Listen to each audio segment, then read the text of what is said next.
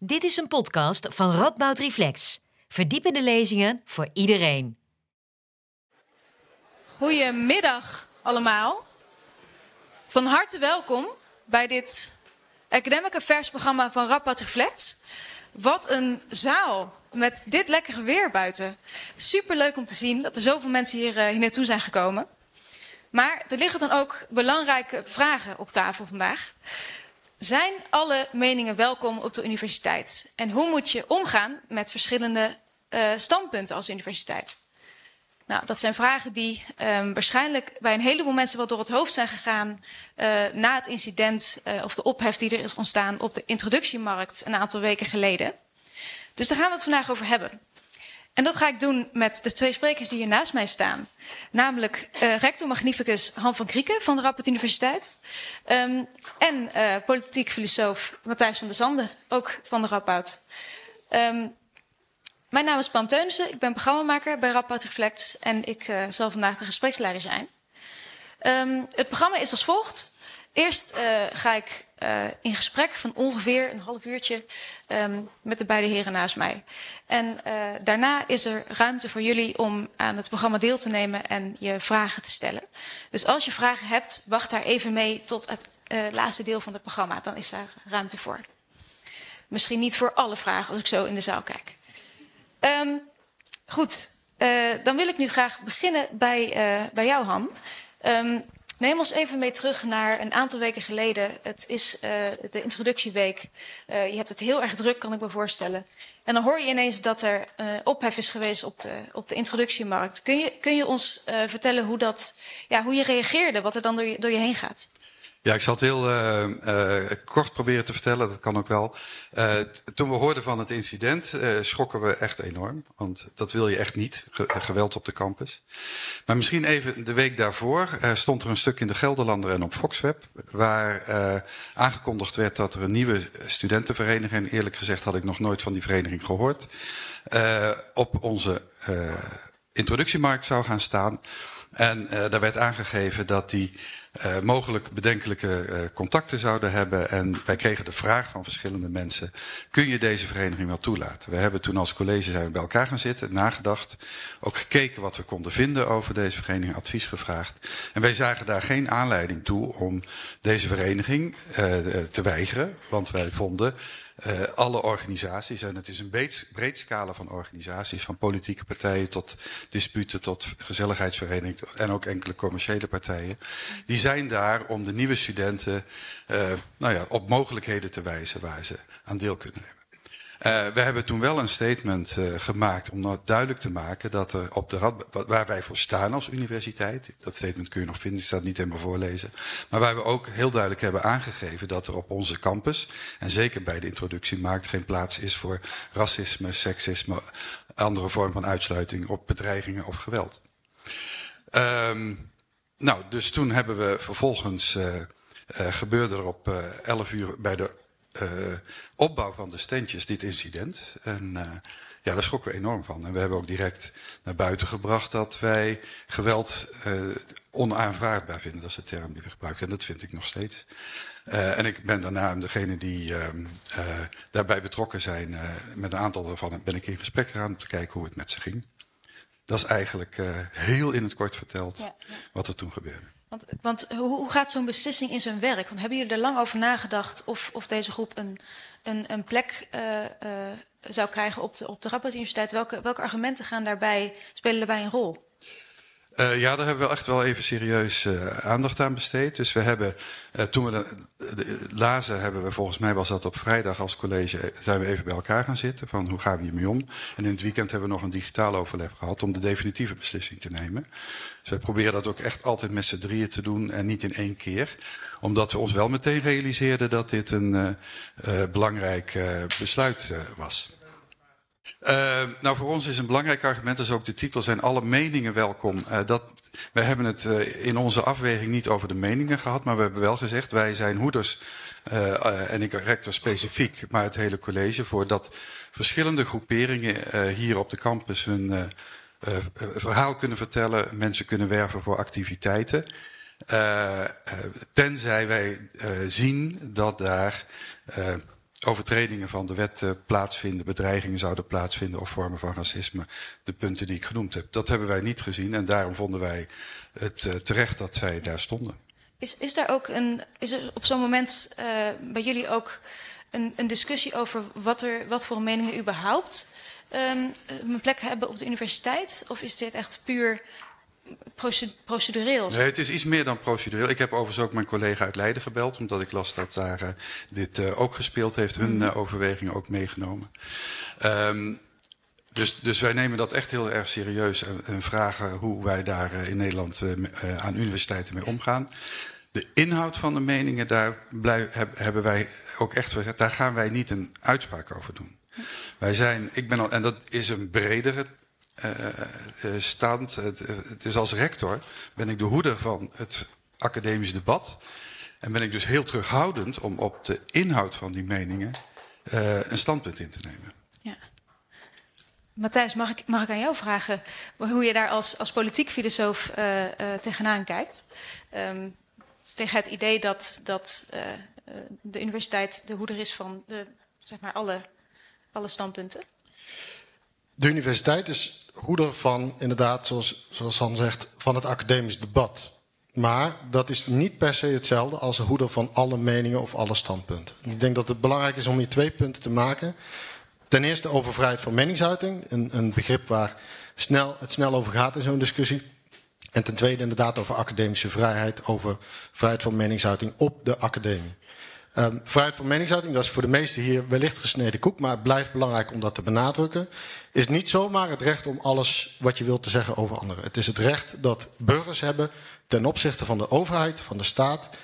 Um, een bescherming die ze hebben tegen de willekeur van de macht. En een bescherming die ze hebben om uh, vrij naar eigen inzicht te interveneren en een rol te spelen in het publieke debat.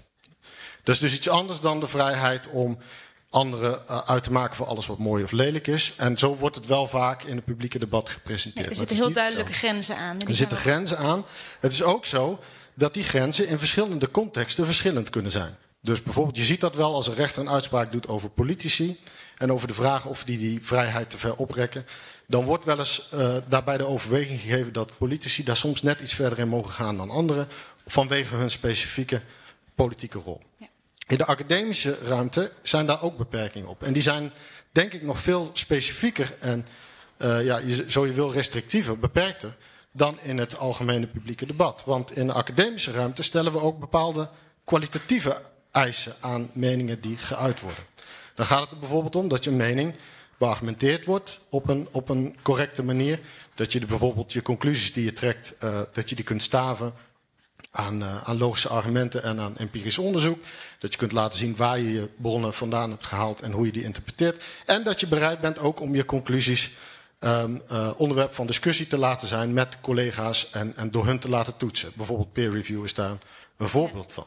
En dat betekent dus dat sommige dingen die misschien in het publieke debat wel gezegd mogen worden onder het mom van vrijheid van meningsuiting, in een academische setting wel problematisch zijn. Bijvoorbeeld omdat ze niet aan die kwalitatieve eisen voldoen, maar ook bijvoorbeeld omdat ze, uh, omdat ze een, een, een vrij en um, hoe dat, een, een, een vrij en een, inhoudelijk academisch debat uh, onmogelijk kunnen maken. Bijvoorbeeld doordat sommige spelers in dat debat uh, gemarginaliseerd worden. Dus er zijn bepaalde restricties daarop, juist in een academische ruimte. Heeft het ook iets te maken met de, de toch andere verantwoordelijkheid die een, uh, een academische positie met zich meebrengt?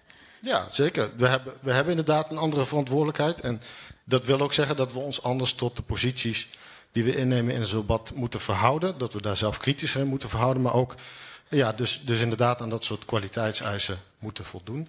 En dat betekent dat, nou ja, je kunt, je kunt allerlei voorbeelden noemen. Bijvoorbeeld antivax, uh, uh, kritiek op vaccinaties is een positie die in het publieke debat veel gehoord wordt. Maar op het moment dat je aan een medische faculteit werkt, dan wordt dat wel degelijk problematisch. Als je flat earther bent, dan denk ik niet dat je een hele succesvolle carrière bij sterrenkunde kunt hebben. En zo kunnen we nog een tijdje doorgaan. En dus er zijn gewoon bepaalde, bepaalde kwaliteitseisen die, daarbij, die daaraan gesteld worden. En dat gaat dus ook niet, dat gaat niet alleen over de inhoud van die positie, maar ook over de inhoud van het debat en de mogelijkheid om een betekenisvol debat te kunnen hebben. Ja. En het is wel eens scherp uh, geformuleerd dat als, zeker als rector, maar ook als hoogleraar, maar eigenlijk als academicus, is uh, niet alleen binnen de academie, maar ook daarbuiten, misschien jouw vrijheid van meningsuiting wel beperkter dan van een burger. En daar wordt mee bedoeld, en ik steun dat ook, zeker voor mij als rol als rector. Je praat namelijk altijd vanuit die positie. En dat betekent dus dat er een, door, door velen een, bepaalde uh, gezag aan wordt toegekend. Ook als je praat over dingen waar je eigenlijk helemaal niet de wetenschapper op bent. Mijn wetenschapsgebied zit in de geneeskunde. Maar ik word als rector op heel veel punten gevraagd. Wij krijgen als college ook heel vaak vragen om uh, iets te ondertekenen. Uh, en daar zijn we zeer terughoudend in. Juist vanwege die andere positie die je als college hebt. En soms kiezen we er zelfs voor, en dat lijkt een subtiel onderscheid, maar voor ons is dat belangrijk. Dan onderteken ik iets als Han van Grieken rector magnificus en niet namens de Radboud Universiteit rector magnificus. Dus dat zijn wel restricties die ieder ik en gelukkig ik denk de meeste ervaren in de positie die je hebt als wetenschapper, aan wie heel veel mensen toch een zeker gezag toekennen, zelfs als je je uitspreekt over wetenschapsgebieden waar je geen verstand van hebt, om het maar heel scherp te zeggen. Ik, ik zie wel hier twee, twee grijze gebieden ontstaan. Uh, ik zal even met, met eentje beginnen. Dus ik vraag me dan af waar, nou, hoe, hoe weet je nou wat het moment is dat je vanuit een, uh, een academische positie aan het spreken bent? Of wanneer je dat academische terrein betreedt? Is dat zodra je een voet over de drempel zet van de universiteit? Is dat zodra je. Waar ligt die grens, zeg maar? Nou, ik, en dan spreek ik voor mezelf en ik denk dat veel collega's uit ervaren. Toen ik nog hoogleraar was bij het UMC, was ik daar ook van bewust dat ik 24 keer 7 uh, door veel mensen gezien word als hoogleraar. En dat is nog steeds voor vele mensen iemand die uh, de waarheid vertelt. Ik maak het maar eventjes. Uh, ik weet wel dat er ook mensen zijn die daaraan twijfelen en dat is overigens heel terecht. Uh, maar um, ik, ik, was dus ook daar, probeerde ik wel heel duidelijk te maken wanneer ze bij, zeker bij een tv-programma of een radioprogramma, waar ik voor mijn deskundigheid werd gevraagd, en dan vervolgens op een ander onderwerp wordt bevraagd. Er zijn wel aardige filmpjes. Bart Jacobs heeft dat best vaak. Die, een van onze hoogleraren, die komt dan voor cybersecurity. Wat hij dan heel vaak doet. U vraagt me nu iets buiten mijn wetenschapsgebied, maar als persoon. En ik denk dat dat, dat is echt belangrijk om dat te doen. En als rector ben ik nog terughoudender, omdat ik ja, als rector heb je toch een positie voor de hele academische gemeenschap. En probeer ik dus heel terughoudend te zijn om uh, uh, meningen te uiten op allerlei thema's. Ja. Goed, we hebben het natuurlijk ook over, um, niet alleen over meningen, maar ook over bijvoorbeeld de aanwezigheid van uh, bepaalde, bepaalde groepen die, die standpunten verkondigen. Al dan niet hardop of al dan niet expliciet op dat moment. Um, kun je altijd makkelijk een lijn trekken tussen, goh, er moet hier iets expliciet worden gezegd voordat, uh, um, voordat we ons hier op een bepaalde manier tot verhouden? Of? Nou, dat, dat is natuurlijk lastig. En paar terug bij de opening van het academisch jaar was het thema luister. Toen heb ik ook gezegd hoe belangrijk diversiteit en inclusie voor onze universiteit is. Maar dat gaat over veel thema's. Dat gaat over geaardheid, dat gaat over etniciteit. Maar dat heb ik toen ook gezegd, gaat ook over politieke meningen. Er is in onze universiteit best een vrij dominante politieke kleur aanwezig. Dat mag, daar is niks mis mee. Maar dan vind ik het in mijn positie belangrijk minder dominante meningen ook de ruimte te geven en de veiligheid te geven om die te uiten. Wel inderdaad met de voorwaarden die Matthijs net eh, heel goed schetste in een academisch debat. Daar zijn hele duidelijke randvoorwaarden aan. Maar die randvoorwaarden betekenen ook dat in een academisch debat niet iedere mening per definitie altijd even relevant of legitiem is. Dat, dat veronderstelt ook dat, je soms, dat het niet gaat om de mening aan zich, maar ook over de, de, de, de bijdrage en de rol die zo'n mening kan spelen binnen een academisch debat en de legitimiteit die het daarbinnen kan hebben. En dus wat dat betreft, kijk, als uh, eenvoudig voorbeeld, als, als studenten een paper inleveren bij mij met dit is mijn mening, dan maakt het niet uit of ik het ermee eens ben of niet. Dan krijgen ze waarschijnlijk geen voldoende. En ik denk dat het voor de meeste mensen hier in de zaal geldt. Hè. Dus het gaat wel degelijk over iets anders dan het hebben van een mening. En ik denk ook dat de universiteit iets anders is en moet willen zijn dan zogezegd een meningenfabriek, een marketplace of ideas. Dat zijn we niet. Dus uh, wat dat betreft, diversiteit van posities, daar ben ik het helemaal mee eens. Dat is belangrijk in academisch debat, dat is belangrijk voor academische vrijheid. Maar die is zeker niet absoluut. Is ook niet altijd belangrijk omwille van die diversiteit of aan, omwille van die, van die inclusie. Het is niet om, omwille van zichzelf dat je die diversiteit wil. Um, dus ik, ik denk dat daar, dat daar wel degelijk meer restricties aan te geven zijn dan te zeggen: alle meningen zijn hier welkom en je moet altijd luisteren. Want overigens geldt ook: een mening impliceert per definitie dat je niet altijd hoeft te luisteren. Een academisch debat is wat dat betreft een specifiek soort. waarom, waarom impliceert het dat? Om de, in, in, het, in het publieke debat ben ik op geen enkele manier gedwongen om naar de mening van andere mensen te luisteren. Het is misschien niet netjes als ik dat niet wil, maar ik heb absoluut geen verplichting, niemand van ons, om de mening van anderen om daar achter op te slaan in het publieke debat. In een academische context heb ik dat wel. Als ik met anderen in een academische context in debat ga, dan moet ik die positie serieus nemen. Dan moet ik serieus bereid zijn om, om dat te overwegen, om de bewijzen of argumenten uh, te overwegen, et cetera. Maar in het publieke debat hebben we allemaal zelf de, de, keuze om bepaalde meningen niet tot ons te nemen, links te laten liggen, et cetera. Dat is een belangrijk verschil. Ja, dat, ik, ik heb net gezegd, ik spreek me niet vaak uit over.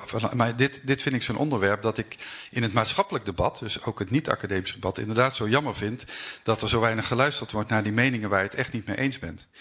Um, ik durf je wel te bekennen, ik weet niet of dat gemonitord wordt. Maar ik probeer elke week uh, naar websites te gaan waarvan ik weet dat daar dingen staan waar ik het echt niet mee eens ben. Want ik wil ook snappen wat daar gebeurt.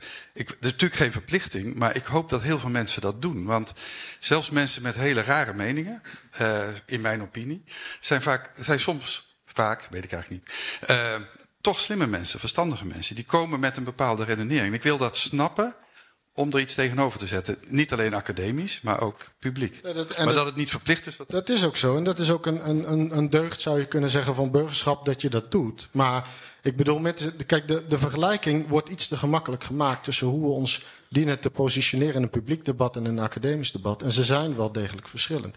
Ik vind ook, in aanvulling daarop, er is een verschil tussen de vraag wat je doet met meningen en diversiteit aan meningen. En de vraag of je het als universiteit wenselijk vindt dat rond iedere mening of iedere positie politiek georganiseerd wordt. Dat zijn ook twee verschillende dingen. Dat is natuurlijk de aanleiding waar we het hier over hebben. Is een groep die uh, zich organiseert en leden werft rond een bepaalde positie. En dat is denk ik ook nog eens iets anders dan het hebben van een mening of positie in een academische setting als student of als collega. Dus ook daar moeten we denk ik wel een zekere kwalificatie maken. Ja, dus maakt de inhoud van een mening op dat moment uh, uit, zou je zeggen? Ja, absoluut. Ja. Uh, en, en, en, de bouwing ervan. Ja. En als het dan gaat op het toelaten tot een introductiemarkt.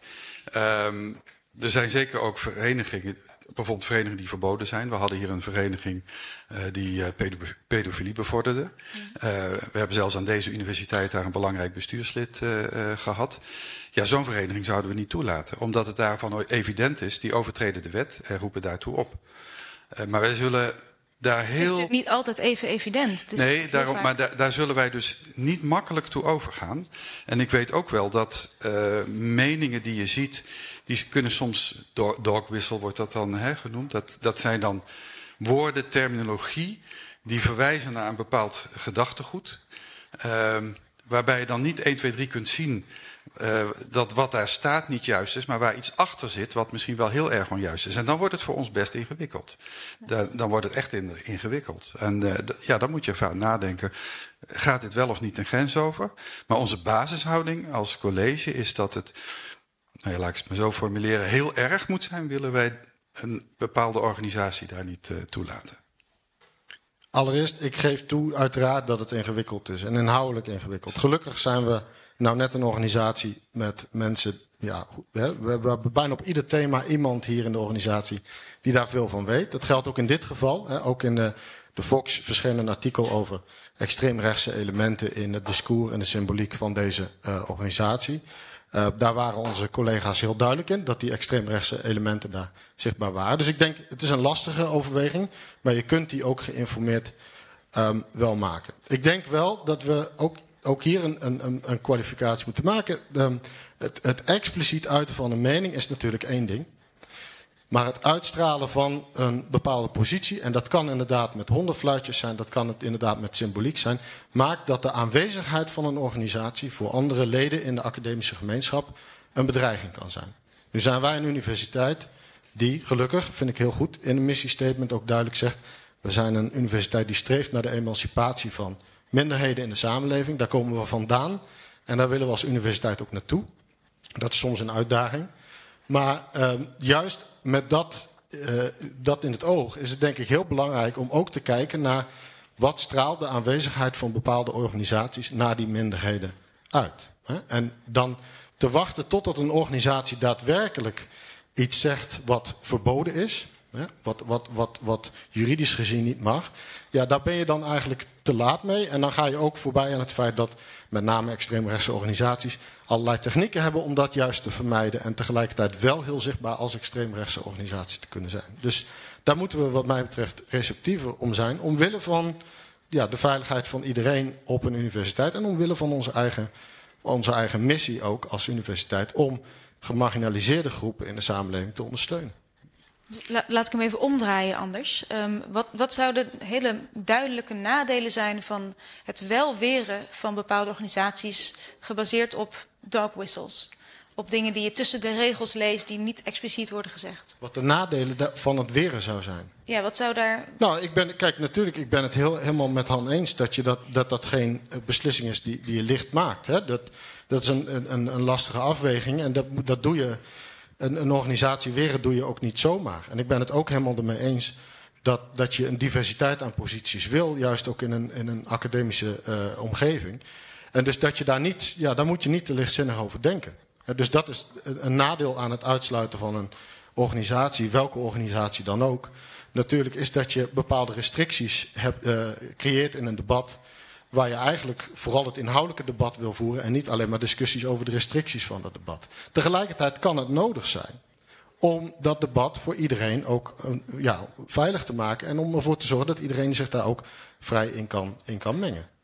En, en, en voldoende zich binnen een academische setting ook uh, zeker kan voelen en geëmancipeerd kan voelen om dat daadwerkelijk te doen. En dat is ook waar wij als universiteit voor willen staan.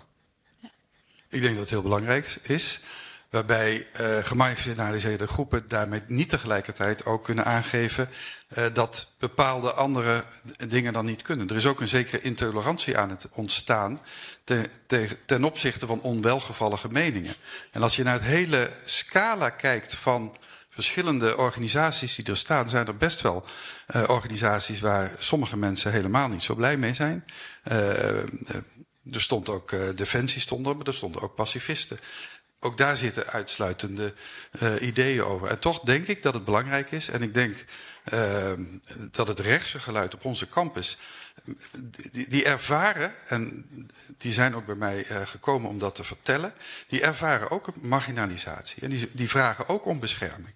En ik denk dat ik dat ook begrijp. Of ik weet zeker dat ik dat begrijp. Daar sta ik ook voor. los van mijn eigen politieke achtergrond. Dus ik, ik, ik vind echt wel dat juist op een universiteit uh, veiligheid betekent uh, natuurlijk dat er geen geweld mag zijn, dat is helaas wel gebeurd.